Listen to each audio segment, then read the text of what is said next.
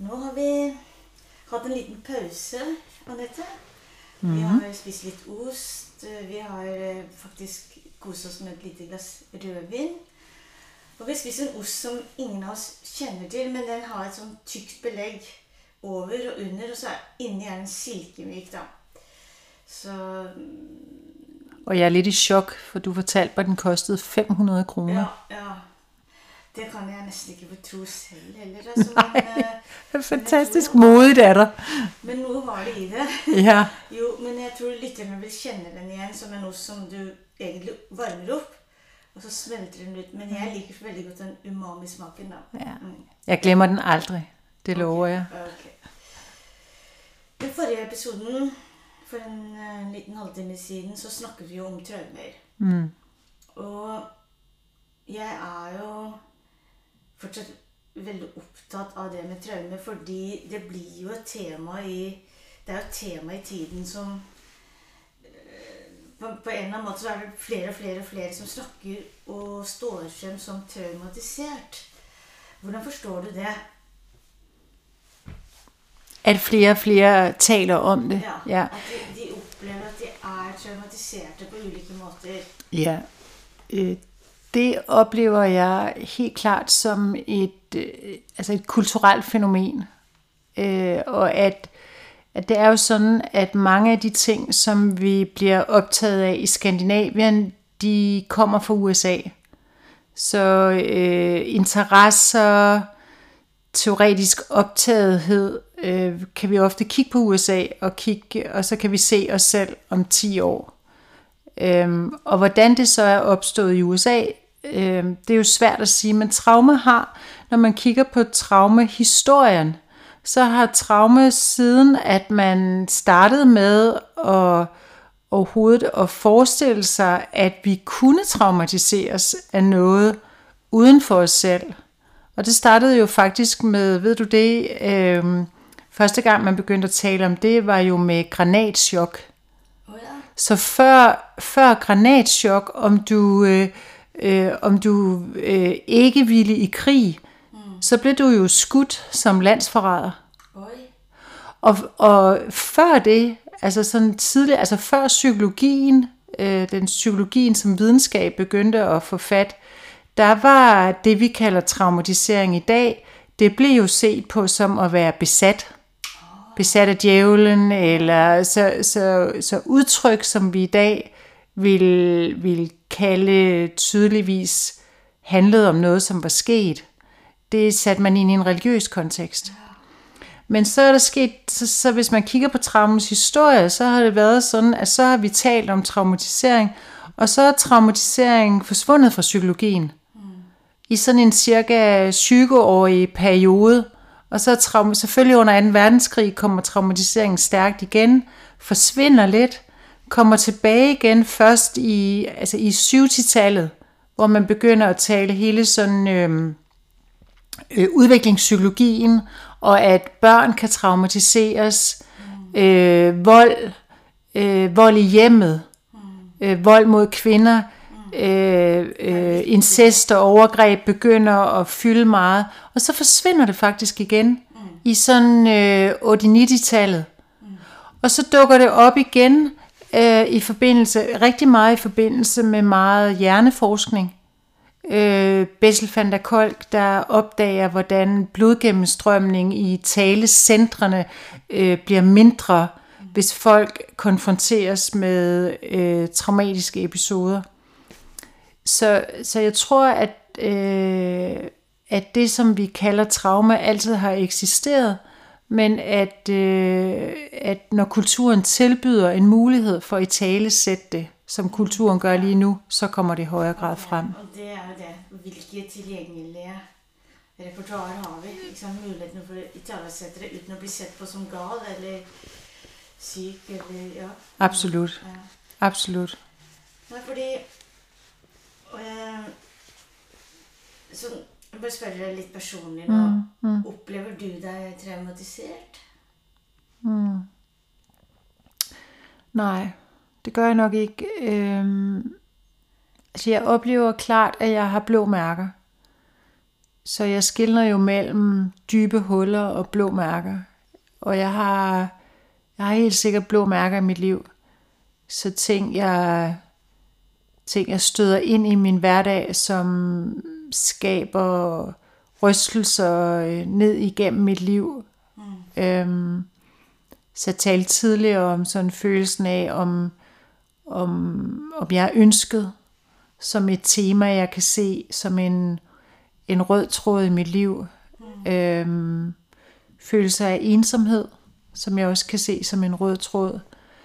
Øhm, at jeg kalder det, jeg vil nok ikke, jeg vil ikke kalde det traumatiseret, men jeg vil kalde det øh, sårbarheder, blå mærker. Øhm, ja. Mm. Og, øh, og jeg for, men jeg forstår det på samme måde, som jeg forstår dybe huller. Så jeg tror sådan set, strukturen, hvis man kan sige det, i min bevidsthed og i min krop er det samme. Mm. Men jeg føler ikke, at de ting, jeg har oplevet, forhindrer mig i at leve det liv, jeg gerne vil leve. Mm. Øhm, det er klart, at det tager noget frihed.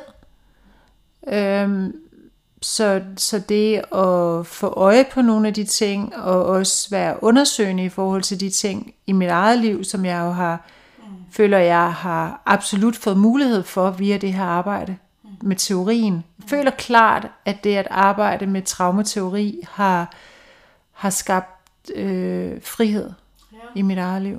For du kommer tilbage til en sætning, for at leve det liv, man ønsker.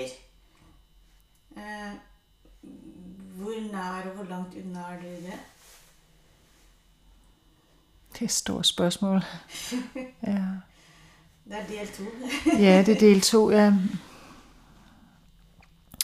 Jeg er meget tæt på at leve det liv, jeg ønsker i forhold til min egen historie.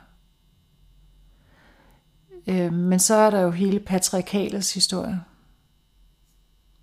Så hele, hele den øh, kontekst, som jeg er sat ned i, der har at gøre med kvinders stemme og kvinders position og kvinders muligheder, som jeg måske lidt sent i mit liv er blevet for alvor opmærksom på, og som jeg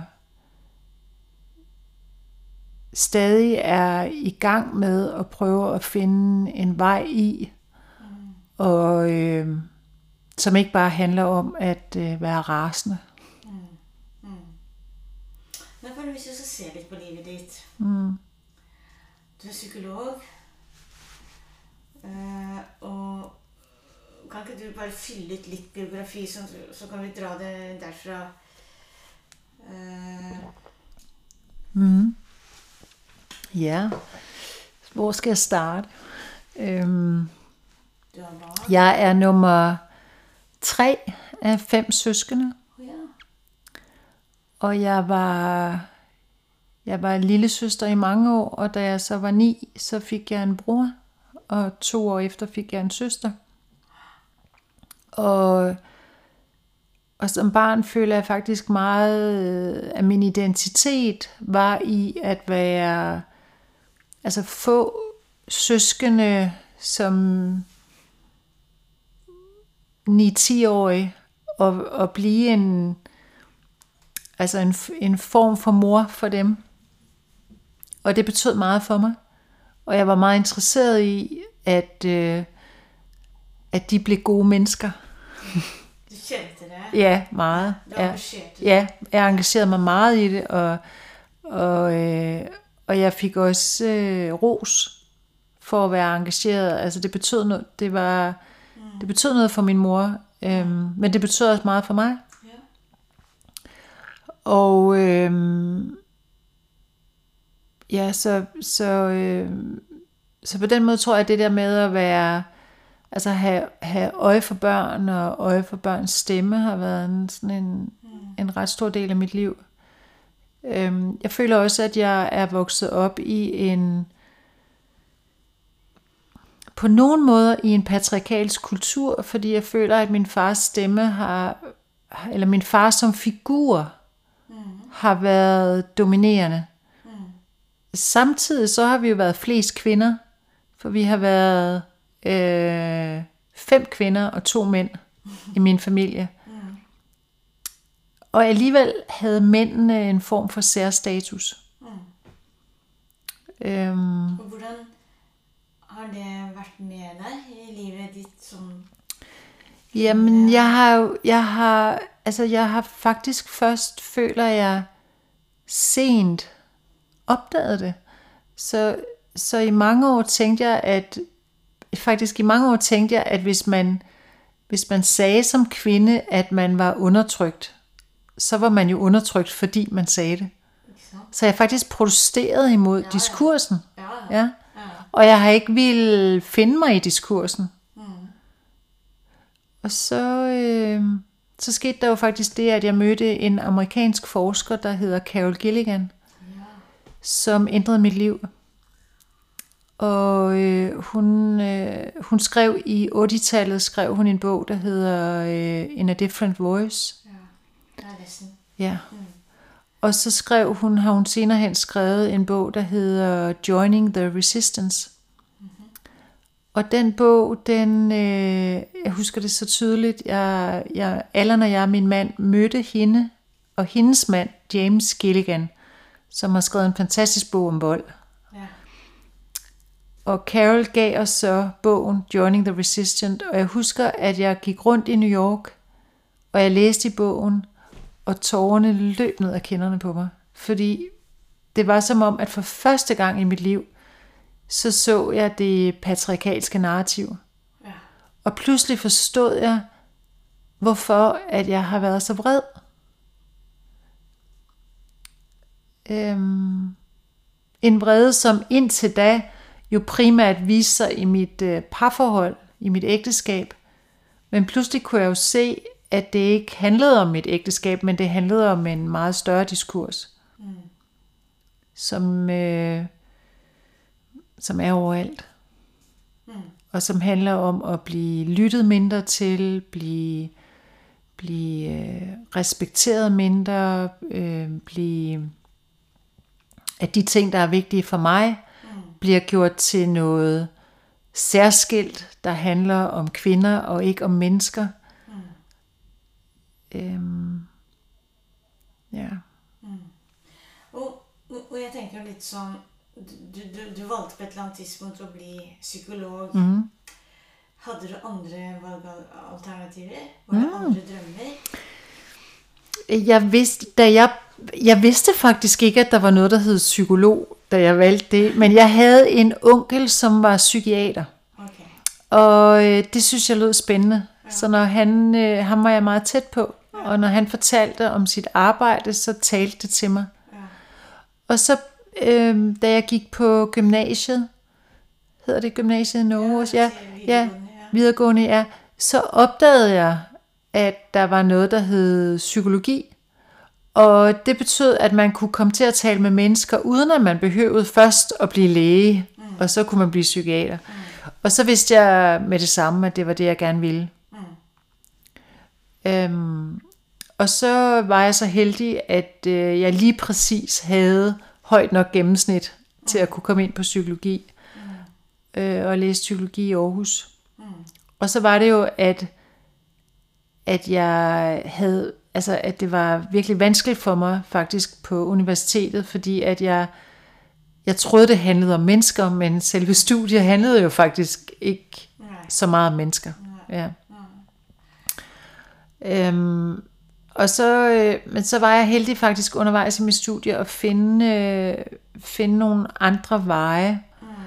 Og, øh, og især sidst på studiet, så, øh, så begyndte jeg at, øh, at interessere mig lidt for terapi.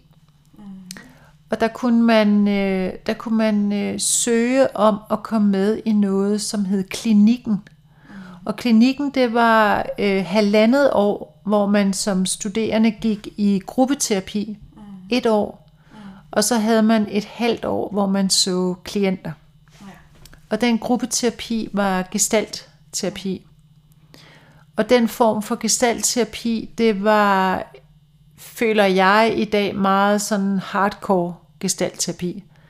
Jeg kalder det find modstanden og slå hovedet ind i den. Og der fik jeg faktisk et øh, terapitraume.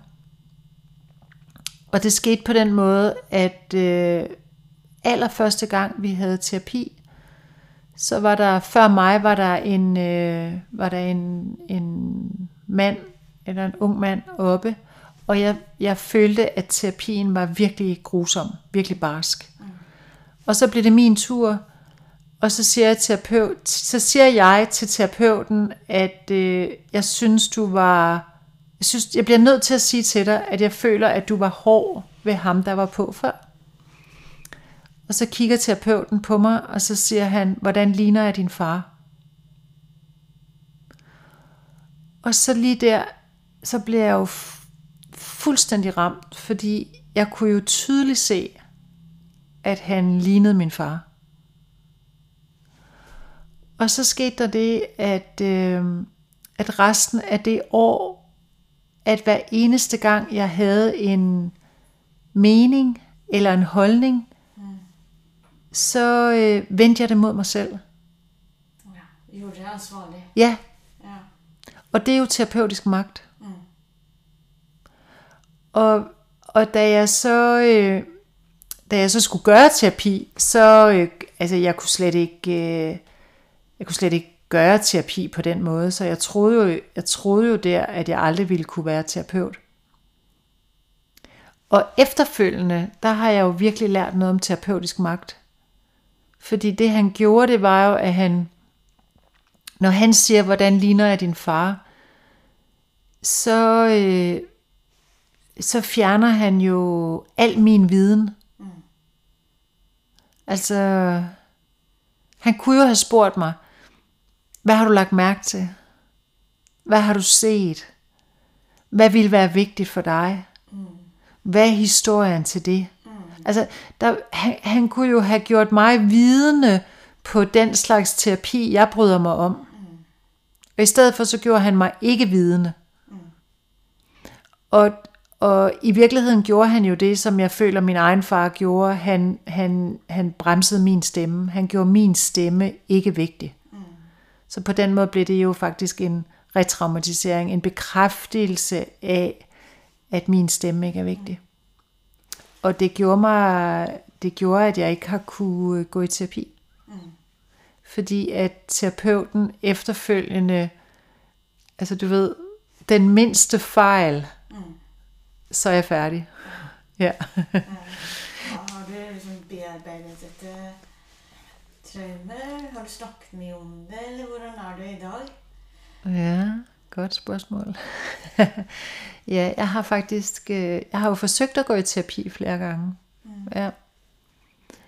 Og så øh, for måske 5-6 år siden, så var jeg faktisk i noget terapi, fordi jeg har taget en traumeuddannelse, som hedder EMDR, som nogen måske kender, det står for Eye Movement. Ja, Desensibilization. Ja, du kender den, ja. Det er meget sådan kendt amerikansk. Det er en traumaterapimetode. Mm. Og så skulle jeg øh, have supervision på den metode. Mm. Og så øh, følte jeg, at min supervisor igen ligesom talte om sig selv, ikke hørte på mig. Og da jeg tog derfra, så tænkte jeg, jeg kan ikke det her. Det går ikke. Nej. Og så skrev jeg til hende og sagde, jeg beklager, jeg kan, ikke, øh, jeg kan ikke gennemføre det. Og så skrev jeg, det handler ikke om dig, det handler om mig. Mm. Og så fortalte jeg hende faktisk om, så skrev jeg faktisk om min erfaring. Ved du hvad? Øh, så skrev hun undskyld. Helt fantastisk. Mm. Hun skrev undskyld. Hun tog det på sig. Ja. Hun sagde, jeg talte alt for meget om mig selv. Jeg beklager. Og så sagde hun, måske skulle du komme tilbage, og så kunne vi kigge på det. Og så tænkte jeg, nej, jeg skal overhovedet ikke snakke med dig. og så, øh, så sagde jeg det til min mand, Allen, og så sagde han, øh, men måske skal du. Mm. Ja. Så gik jeg i tre uger, og ikke vidste, men så ringede jeg til hende og sagde, okay, det vil jeg gerne. Og så fik jeg faktisk øh, talt om det traume. Ja. Mm. Og, og det at nogen tager det på sig som sig, mm. på sig eh, som jeg vet ikke om du, det er du som kalder det etisk skam. Mm. Eh, det er jo et sånt eh, vigtigt begreb blitt for mig. Mm. Kan du ikke sige lidt om, om hvad du lægger i det? Mm. Jo, det vil jeg meget gerne. Øhm, altså, øh, i, I Norge har I en helt fantastisk øh, forfatter og psykolog, der hedder Arnhild Lauring, som jeg har stor beundring af. Hun har blandt andet skrevet bogen øh, I morgen var jeg altid en løve. Og hun har øh, skrevet øh, for en del år siden en artikel, hvor der står, hvis andre ikke påtager sig deres skyld, så bliver det min skam. Ja. Og den sætning, hvis andre ikke påtager sig deres skyld, så bliver det min skam, har... Altså, jeg har haft den med mig så længe, at jeg næsten føler, at det er blevet en form for etik Ja. for mig. En leveregel. Og øhm, etisk skam er den skamfølelse, vi kan føle, når vi selv gør noget, der går imod vores egne værdier. Og det er en... øhm, jeg tror faktisk, at det var filosofen Deleuze, som, øh, som talte om etisk skam. Og jeg har det fra en øh, australsk psykolog, der hedder Alan Jenkins, mm-hmm. som har skrevet en bog, der hedder Becoming Ethical. Og han, øh, han arbejder med øh, især med mænd, der har begået vold. Mm. Og han siger faktisk, at hvis, hvis mennesker, der har begået vold, ikke kan tage deres etiske skam på sig, mm.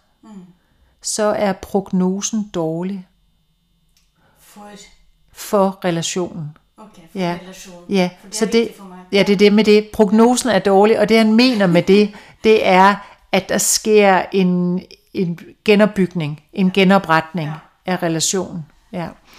Og, øh, og, jeg, og jeg tænker, at man, altså, hvis jeg der, jeg der lytter på podcasten, kan jo prøve at tænke på, hvad I måske kunne have ønsket jer, at jeres forældre, eller ledere, eller kolleger, eller eks-ægtefæller ville tage på sig af, af, af etisk skam, altså tage på sig af, hvad de har gjort, som på en eller anden måde har haft en effekt på jer. Øhm, men det, jeg synes, der er så fint, det er, altså, Alan Jenkins siger, at etisk skam er en meget moden følelse. Det er virkelig svært at tage etisk skam på sig, fordi det er jo helt forfærdeligt at skulle se i øjnene, at man ikke er det menneske, man gerne vil være. Ja. Det er jo utrolig svært. Derfor så øh, retfærdiggør vi os selv. Vi forklarer os selv. Vi undskylder os selv. Men siger han, og det synes jeg faktisk er det fine, at, at han kalder etisk skam for skammens vindue. Og, og det han mener med det, det er, at det er skammens mulighed. Ja. Så faktisk, når vi mærker etisk skam, så har vi faktisk en mulighed for at undskylde og derigennem komme tilbage til vores værdier Ja. og blive den, vi ønsker at være. Og, og det er jo faktisk en, en, øh, en kæmpe frihed, om man formår at tage den skam på sig. Men det kræver nok selvomsorg. Altså det kræver selvomsorg at kunne gøre det. Og terapeutisk, den måde man terapeutisk kan hjælpe med det, det er jo, at hvis man som terapeut kan skabe den forståelse, forstår du, man kan jo godt have, man kan godt føle etisk skam over noget, man har gjort, og samtidig vide, jeg kunne ikke have gjort andet. Det er kompleksiteten. At kunne bære det og vide, i den situation kunne jeg ikke andet, men det gik ud over dig, og det skammer jeg mig over. Jeg vidste ikke bedre, men det gik ud over dig, og det er ikke i orden.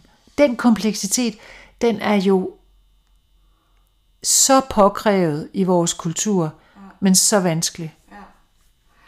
Og der, her er jo flere ting eh, jeg tenker på. Jeg tenker på det du sa, som Løving sa, at liksom at eh, mi, mi, altså det, det, det med at hvis noen påtar seg eh, ansvaret, du det, så blir det mindre Hva, var, det, hva var setningen? Jamen, forældre skal påtage sig deres skyld. Hvis de ikke gør det, bliver det barnets skam. Ja, så blir det bare skam. Mm, Det bliver til barnets skam. ja. Altså, altså når forældre ikke siger undskyld, eller det var mig, der gjorde forkert, Ja, så så bliver efterlader de Ja. barnet med skam. Ja. ja. Akkurat den ser. Så neste trinn Altså hva hvis foreldrene ikke gjør det? Hva skjer da med barnet? Jamen, så, ja. For det er det jeg lurer på. Hvis vi har et premiss om at det må til for at barnet skal ha mindre skam Og det er der jeg, det er der jeg vil så kna den hypotesen eller teorien enda mer til en sånn kulturell Altså løfter opp nettopp sånn at ikke det blir en, en sak mellom foreldre og barn. Mm. Forstår du hva jeg mener? Mm. For det er noe av det jeg har lyst til å sprenge da, Mm. når det gjelder skam. Mm. Jamen, men det, altså, der er din, faktisk Anne, der er din historie fra tandlægen jo helt fantastisk. Fordi, fordi du, altså du fortæller mig, at da du ser, da du ser tandlægen, så bliver du bange. Ja, og du løber væk. Og så fortalte du mig her, mens vi spiste, at din mor faktisk blev flov. Så, så, og så hun skammede sig, og hun, og hun formåede ikke der at være der for dig. Nej. Og, øh, og, og, og det som bakkede, altså, og det var jo skamfuldt for dig, hun, hun formåede ikke at tage sin skyld på sig, at hun ikke kunne være omsorgsfuld mor for dig lige der. Og samtidig så bliver hun bakket op af dominerende kultur om, hvordan børn skal opføre sig. Ja, det er det. Ja. Ja. Og, og så du fortalte også, hvordan alle de andre omkring, mm. tandlægen og, og hjælperne, assistenterne, øh, du følte, de så dig som et vanskeligt barn. Ja. Ja. Ja. Og ingen kunne forstå det. Nej.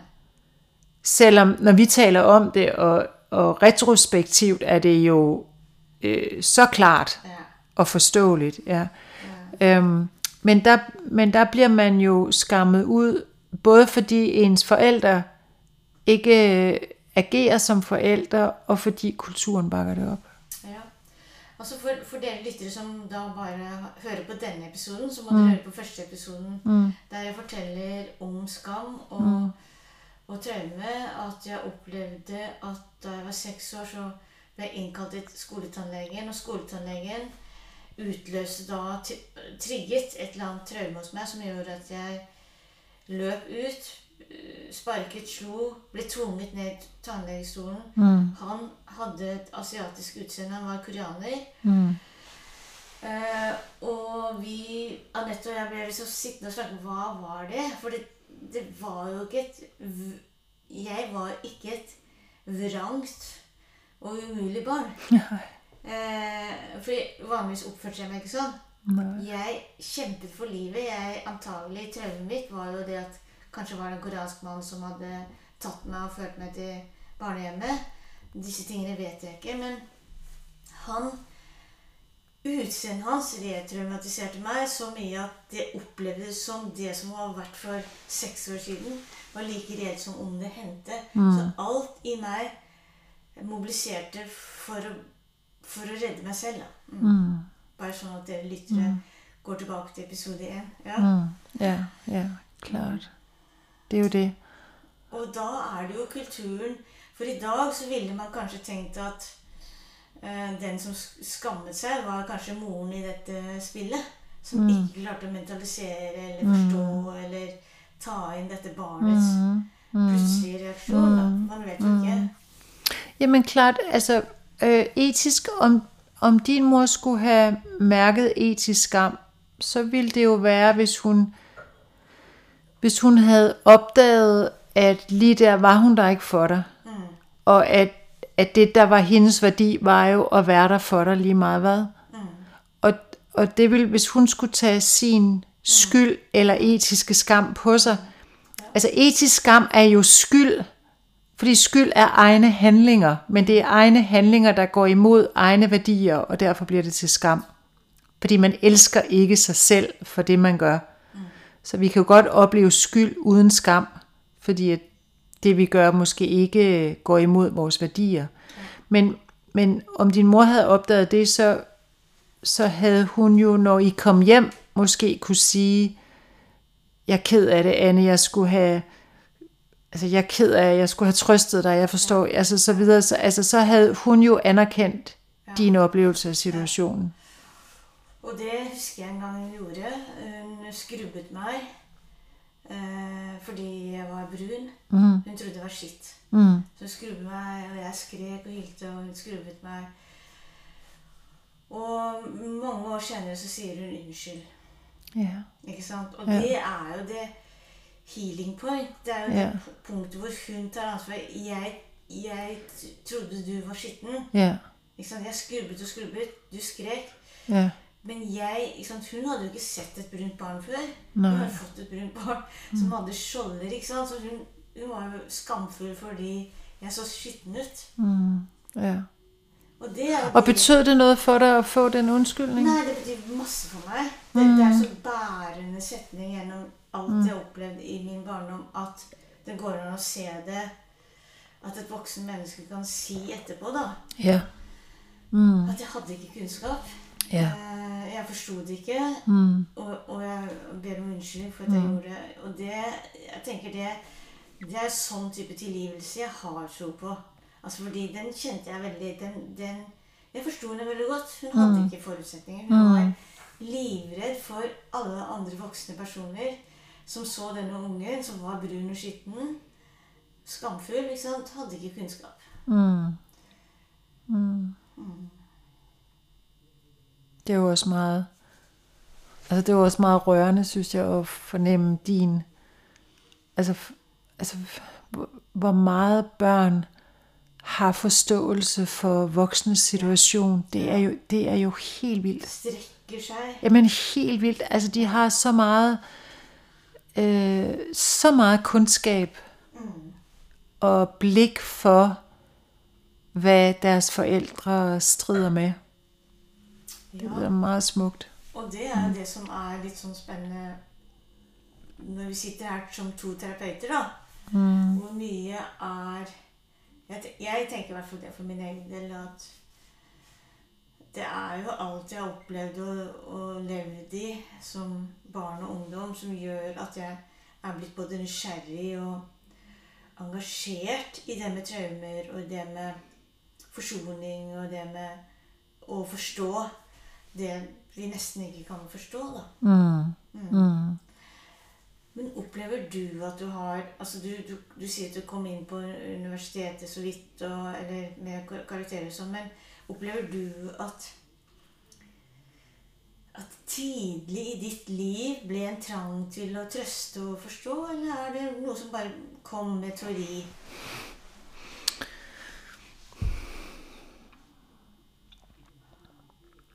Jeg tror, jeg oplever, at jeg tidligt i mit liv havde en længsel efter at blive forstået. Som, øh, ja, som jeg måske omsatte til et ønske, jeg ved det ikke, ønske om at hjælpe andre med at blive forstået. Mm. Sådan, kan vi, sådan kan man måske godt se det. Mm. At en, en, altså en forståelse i hvert fald af vigtigheden. I at blive forstået. Mm. Um, Som en sådan grundstreng? Helt, helt fuldstændig centralt. Mm. Mm. Fuldstændig. Altså, øh, som, ja, sådan en genuin øh, længsel efter måske efter interesse, efter sådan virkelig føle, at nogen var inter- faktisk interesseret.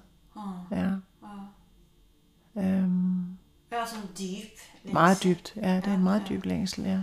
Og, og hva, hvor, hva tenker du har skjedd da med den lengselen? Hvor er du hen i forhold til det du kanskje drømte om ubevisst, intuitivt? Jamen, øh, jamen den er der der stadig. Altså, jeg har det stadigvæk sådan, at hvis nogen spørger mig, hvordan har du det, så bliver jeg overrasket. Mm. Altså sådan overrasket over, er du interesseret i det? Ja. Eller så, øhm, så føler jeg stadig, at den øhm, jeg tror stadig, den er der som en, som en længsel. Øhm, men det er også okay. Hvis det er okay. Det er okay at have den længsel. Det er ikke, øh, øh, det er ikke farligt. Mm. Øh, og det er ikke... Øh, altså det er jo også en en konstant øh, opmærksomhed på betydningen af, at øh, at vi interesserer os for hinanden. Mm. Ja. Så det er ikke sådan, at jeg... Altså man kan jo godt, man kan jo godt tænke, at hvis der er en længsel, så skal den udfyldes. Mm. Men det behøver ikke at være sådan. Nej. Den må jo godt være der. Ja. Et af de spørgsmålene, jeg forbinder med dig veldig tidlig og tidlig, er hvornår kender du dig mest levende? Mm. Kan du huske at du har stilt det spørgsmålet nogle gange? Ja. ja, ja, det kan jeg. Ja, ja. Hvor, hvor kommer det spørgsmål fra, tænker du? Ja, det kommer fra, det kommer fra, øhm, altså det kommer jo i virkeligheden fra sådan en, en interesse for, hvad der overlever traume. Mm. At øh, det at føle sig levende har med vitalitet at gøre. Mm. Øh, og, øh, og lige så altså jeg er vel jeg er lige så interesseret i det som har overlevet traume mm. som jeg er interesseret i det der er blevet øh, nedgjort af traume og øh, og det spændende ved at arbejde med traume er at man arbejder øh, mindst lige så meget med liv mm. som du arbejder med nedbrydning af liv så, øh, så når man spørger mennesker om, hvor, hvor har du følt liv, hvor mm. føler du vitalitet, mm. øhm, og, og, øh, og ligesom har opmærksom på, hvordan mærkes det i kroppen, når vi har vitalitet, så, øh, så, så er det den, altså, altså så opdager jeg jo, når jeg arbejder med mennesker, der er traumatiseret, at der altid har været steder, hvor der er vitalitet. Og traumearbejde handler jo om at frisætte mere vitalitet. Gør, gør det muligt at, at leve mere af sit liv i, øh, sådan i overensstemmelse med, med det, der betyder noget, og det, der er vigtigt. Ja. Så det spørgsmål er et sånn livsviktigt spørgsmål ind til den, som oplever, at de næsten ikke lever, eller ikke har vitalitet, hvornår ja. Kender du dig mest levende? Ja, klart. Mm. Altså det vigtigste spørgsmål i traumearbejde er jo, hvordan har du overlevet? Ja, ja. Og, og hvordan har du overlevet? Hvor, hvor kunne du leve? Altså det, hjælp, altså det hjælper med at, at opdage øh, sådan grundlæggende værdier, grundlæggende betydninger. Mm. Øhm, vi talte lidt tidligere, øh, Anne, sådan om din evne til at lave struktur, og din evne til at sådan øh, have fokus på det, der betyder noget, og hvor jeg tænker sådan det der med... Som vigt- barn, ja. Ja, som barn, ja. Men jeg tænker, altså igen, jeg tænker bare vigtigheden af at kunne det, og have den færdighed, og hvordan den, øh, forestiller jeg mig helt sikkert, har været med dig i dit liv. Mm. Altså en fornemmelse af, at, at skal vi få noget til, mm. så må vi øh, være arbejdsomme, vi må være fokuserede, vi må, ja, Um, ja, og den, den uh, situasjonen du refererer til, er jo da jeg i første klasse startet en Redd Barna-klubb. Ja. Jeg var uh, Hoveland, og jeg hadde da venninner som, som eh, var med i denne klubben, Redd Barna-klubben, hvor vi sendte inn penger, samlet inn penger og sendte inn penger. Og, og, og, og det tok jeg på blod, blodig alvor. Så no, når noen tullet, så ble de utvist. Da var det sånn Fem minutter på deg. Det, det kunne gå en dag, det kunne gå en uke, sa de til meg i talen på 60-årsdagen, de som hadde vært med på dette, at hvis noen avsporet og tullet og spøkte eller ikke var fokuserte på hvordan vi skulle samle penger, så ble de utvist. Det er det du refererer til, ja. Og det å utvise eller avvise eh, tull og tøys eh, for at vi skulle samle inn penger til disse stakkars barna, det var jo det. Ja. Ja. Men som jo, var, som jo siger noget om, hvad der var vigtigt. Ja, som var Og- viktig. Og det er, ja. Mm. veldig, det er veldig sentralt i din teoretiske tilnærming, som kanskje gjør at jeg, i tillegg til det jeg har sagt før, tenker at du ville være en hvis jeg får en alvorlig livskrise, at jeg ringer til deg. Mm, det gør du bare. Ja, det gjør jeg bare. Og det handler om at du vil være opptatt av mine verdier. Mm. Du vil etterspørre min vitalitet, du vil etterspørre mine verdier. Ja. For det er jo det. Altså, jeg, jeg, jeg, øh, og jeg føler faktisk også, at jeg har et teoretisk øh, begrundelse eller teoretisk fundament for det, fordi værdier, altså værdier læner sig op af følelser. Mm. Så hvor, hvor jeg i min i øh, mit tidlige teoretiske liv øh, nok anså sprog for mere centralt end følelser, mm. så tror jeg faktisk i dag, at jeg vil sige, følelser er det første, mm. og så kommer sproget. Mm. Jeg ved ikke, om man kan sige sådan, men, men jeg er i hvert fald øh, sætter følelser mere og mere, mere og mere centralt, fordi følelsen er jo den oplevelse, vi har i det, i det øjeblik, eller den oplevelse, vi har, når vi gør noget bestemt, og gennem den oplevelse, gennem den mærkning, der får det betydning. Mm. Så værdier er i min optik ikke abstrakt. Værdier er en meget praktisk ting. Mm. Det er gøre det, som føles godt at gøre i mm. en given situation. Jeg husker jeg leste på 80-tallet 'Kjærlighet og vilje' av Rollo May. Jeg vet ikke om du gjorde det samme? Nei. Jeg syns han setter det sammen, da. Dette med kjærlighet og vilje. Altså dette med følelser og, språk. Mm. Fordi for meg, det ene uten det andre Det kan man ikke, nej. det, det, det, det kan jeg ikke. Men, men eh, og, og på en eller annen måte så tenker jeg at eh, jeg kan ikke late som om jeg har feber. Jeg kan ikke late som jeg har kjærlighetssorg. Slik at kroppens språk eh, er ganske sånn eh, dominerende. Men akkurat det du sier med å så på en måte prøve å tenke at, at kropp og språk ikke nødvendigvis er to veldig forskjellige ting. da, Det er sånn jeg tenker det. Mm. At jeg prøver å tenke at eh, eh, Ja, at det, det, det, dette sanselige, fenomenologiske, eksistensielle eh, er helt sånn avgjørende for hvordan jeg er i verden. Men jeg kan også, jeg kan også ignorere det. Og det er det som er noe av det skumle med oss mennesker. Vi kan bare ignorere, så kan vi gå på det kognitive, da. Eh, Men hvis jeg nå spør deg hva, hva, hva og når er du føler du deg mest levende sånn når vi skal begynne å avslutte? Mm. Mm. Ja. Jeg, jeg, jeg sad og tænkte lidt på spørgsmålet, og så, så tænkte jeg, nu siger jeg noget andet, så kan jeg måske komme udenom det. Øh, Jeg ved jeg, nej, jeg forstår faktisk ikke, hvor, hvorfor er det svært for mig at svare på. Øhm,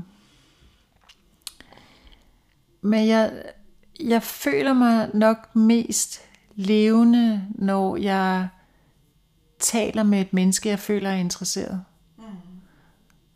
Og det, øh, altså det passer jo meget godt også med det sådan med min historie og hvad der betyder noget for mig, men øh, men den øh, den form for sådan øh, ja, dyb gensidig, dyb gensidig interesse vækker en, altså jo både selvfølgelig vækker min længsel, men vækker også, øh, også min sådan, ja, vitalitetsfornemmelse af, at det der foregår her er levende, det er dynamisk, det er kreativt, det er nært. Mm. Så øhm, og og det er det er faktisk ikke så ofte, mm.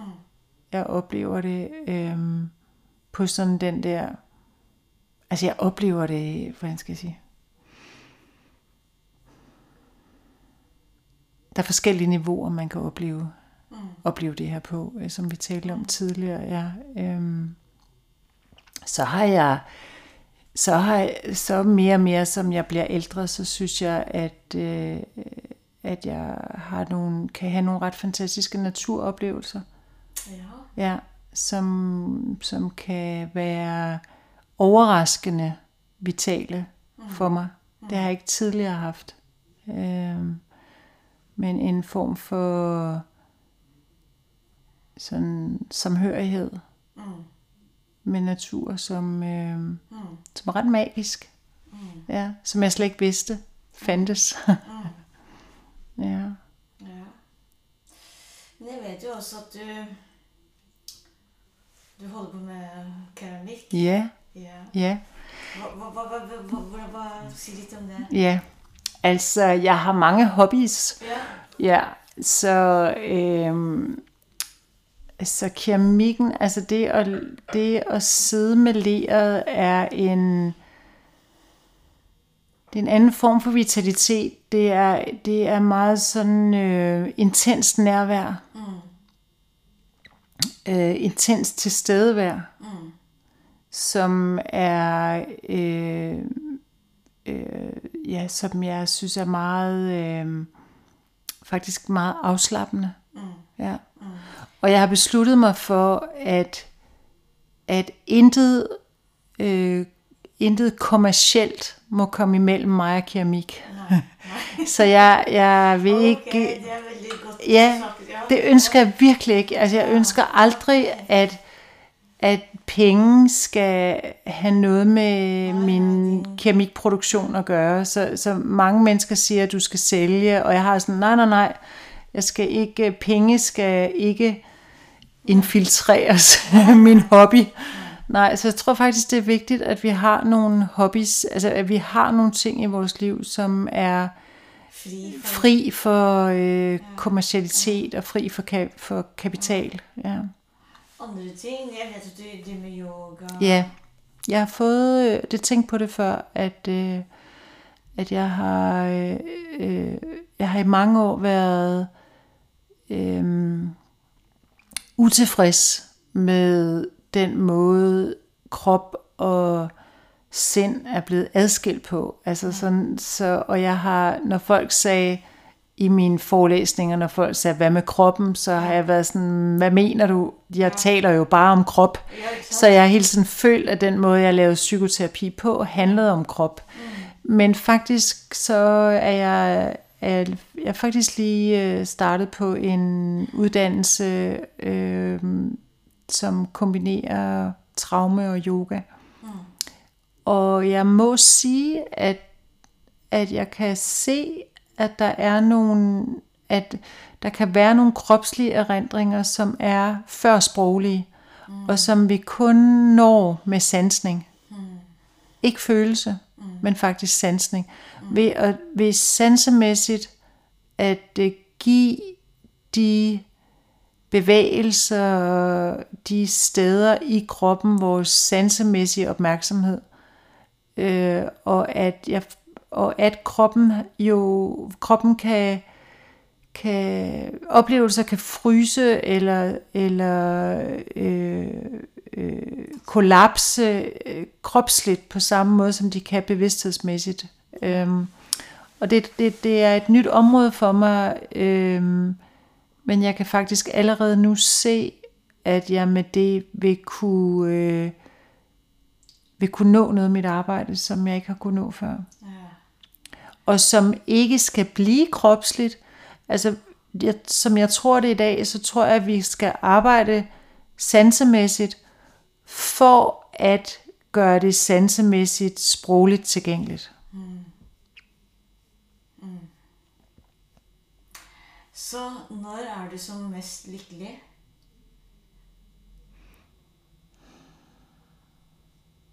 I solskin. Kveldsmatpodden.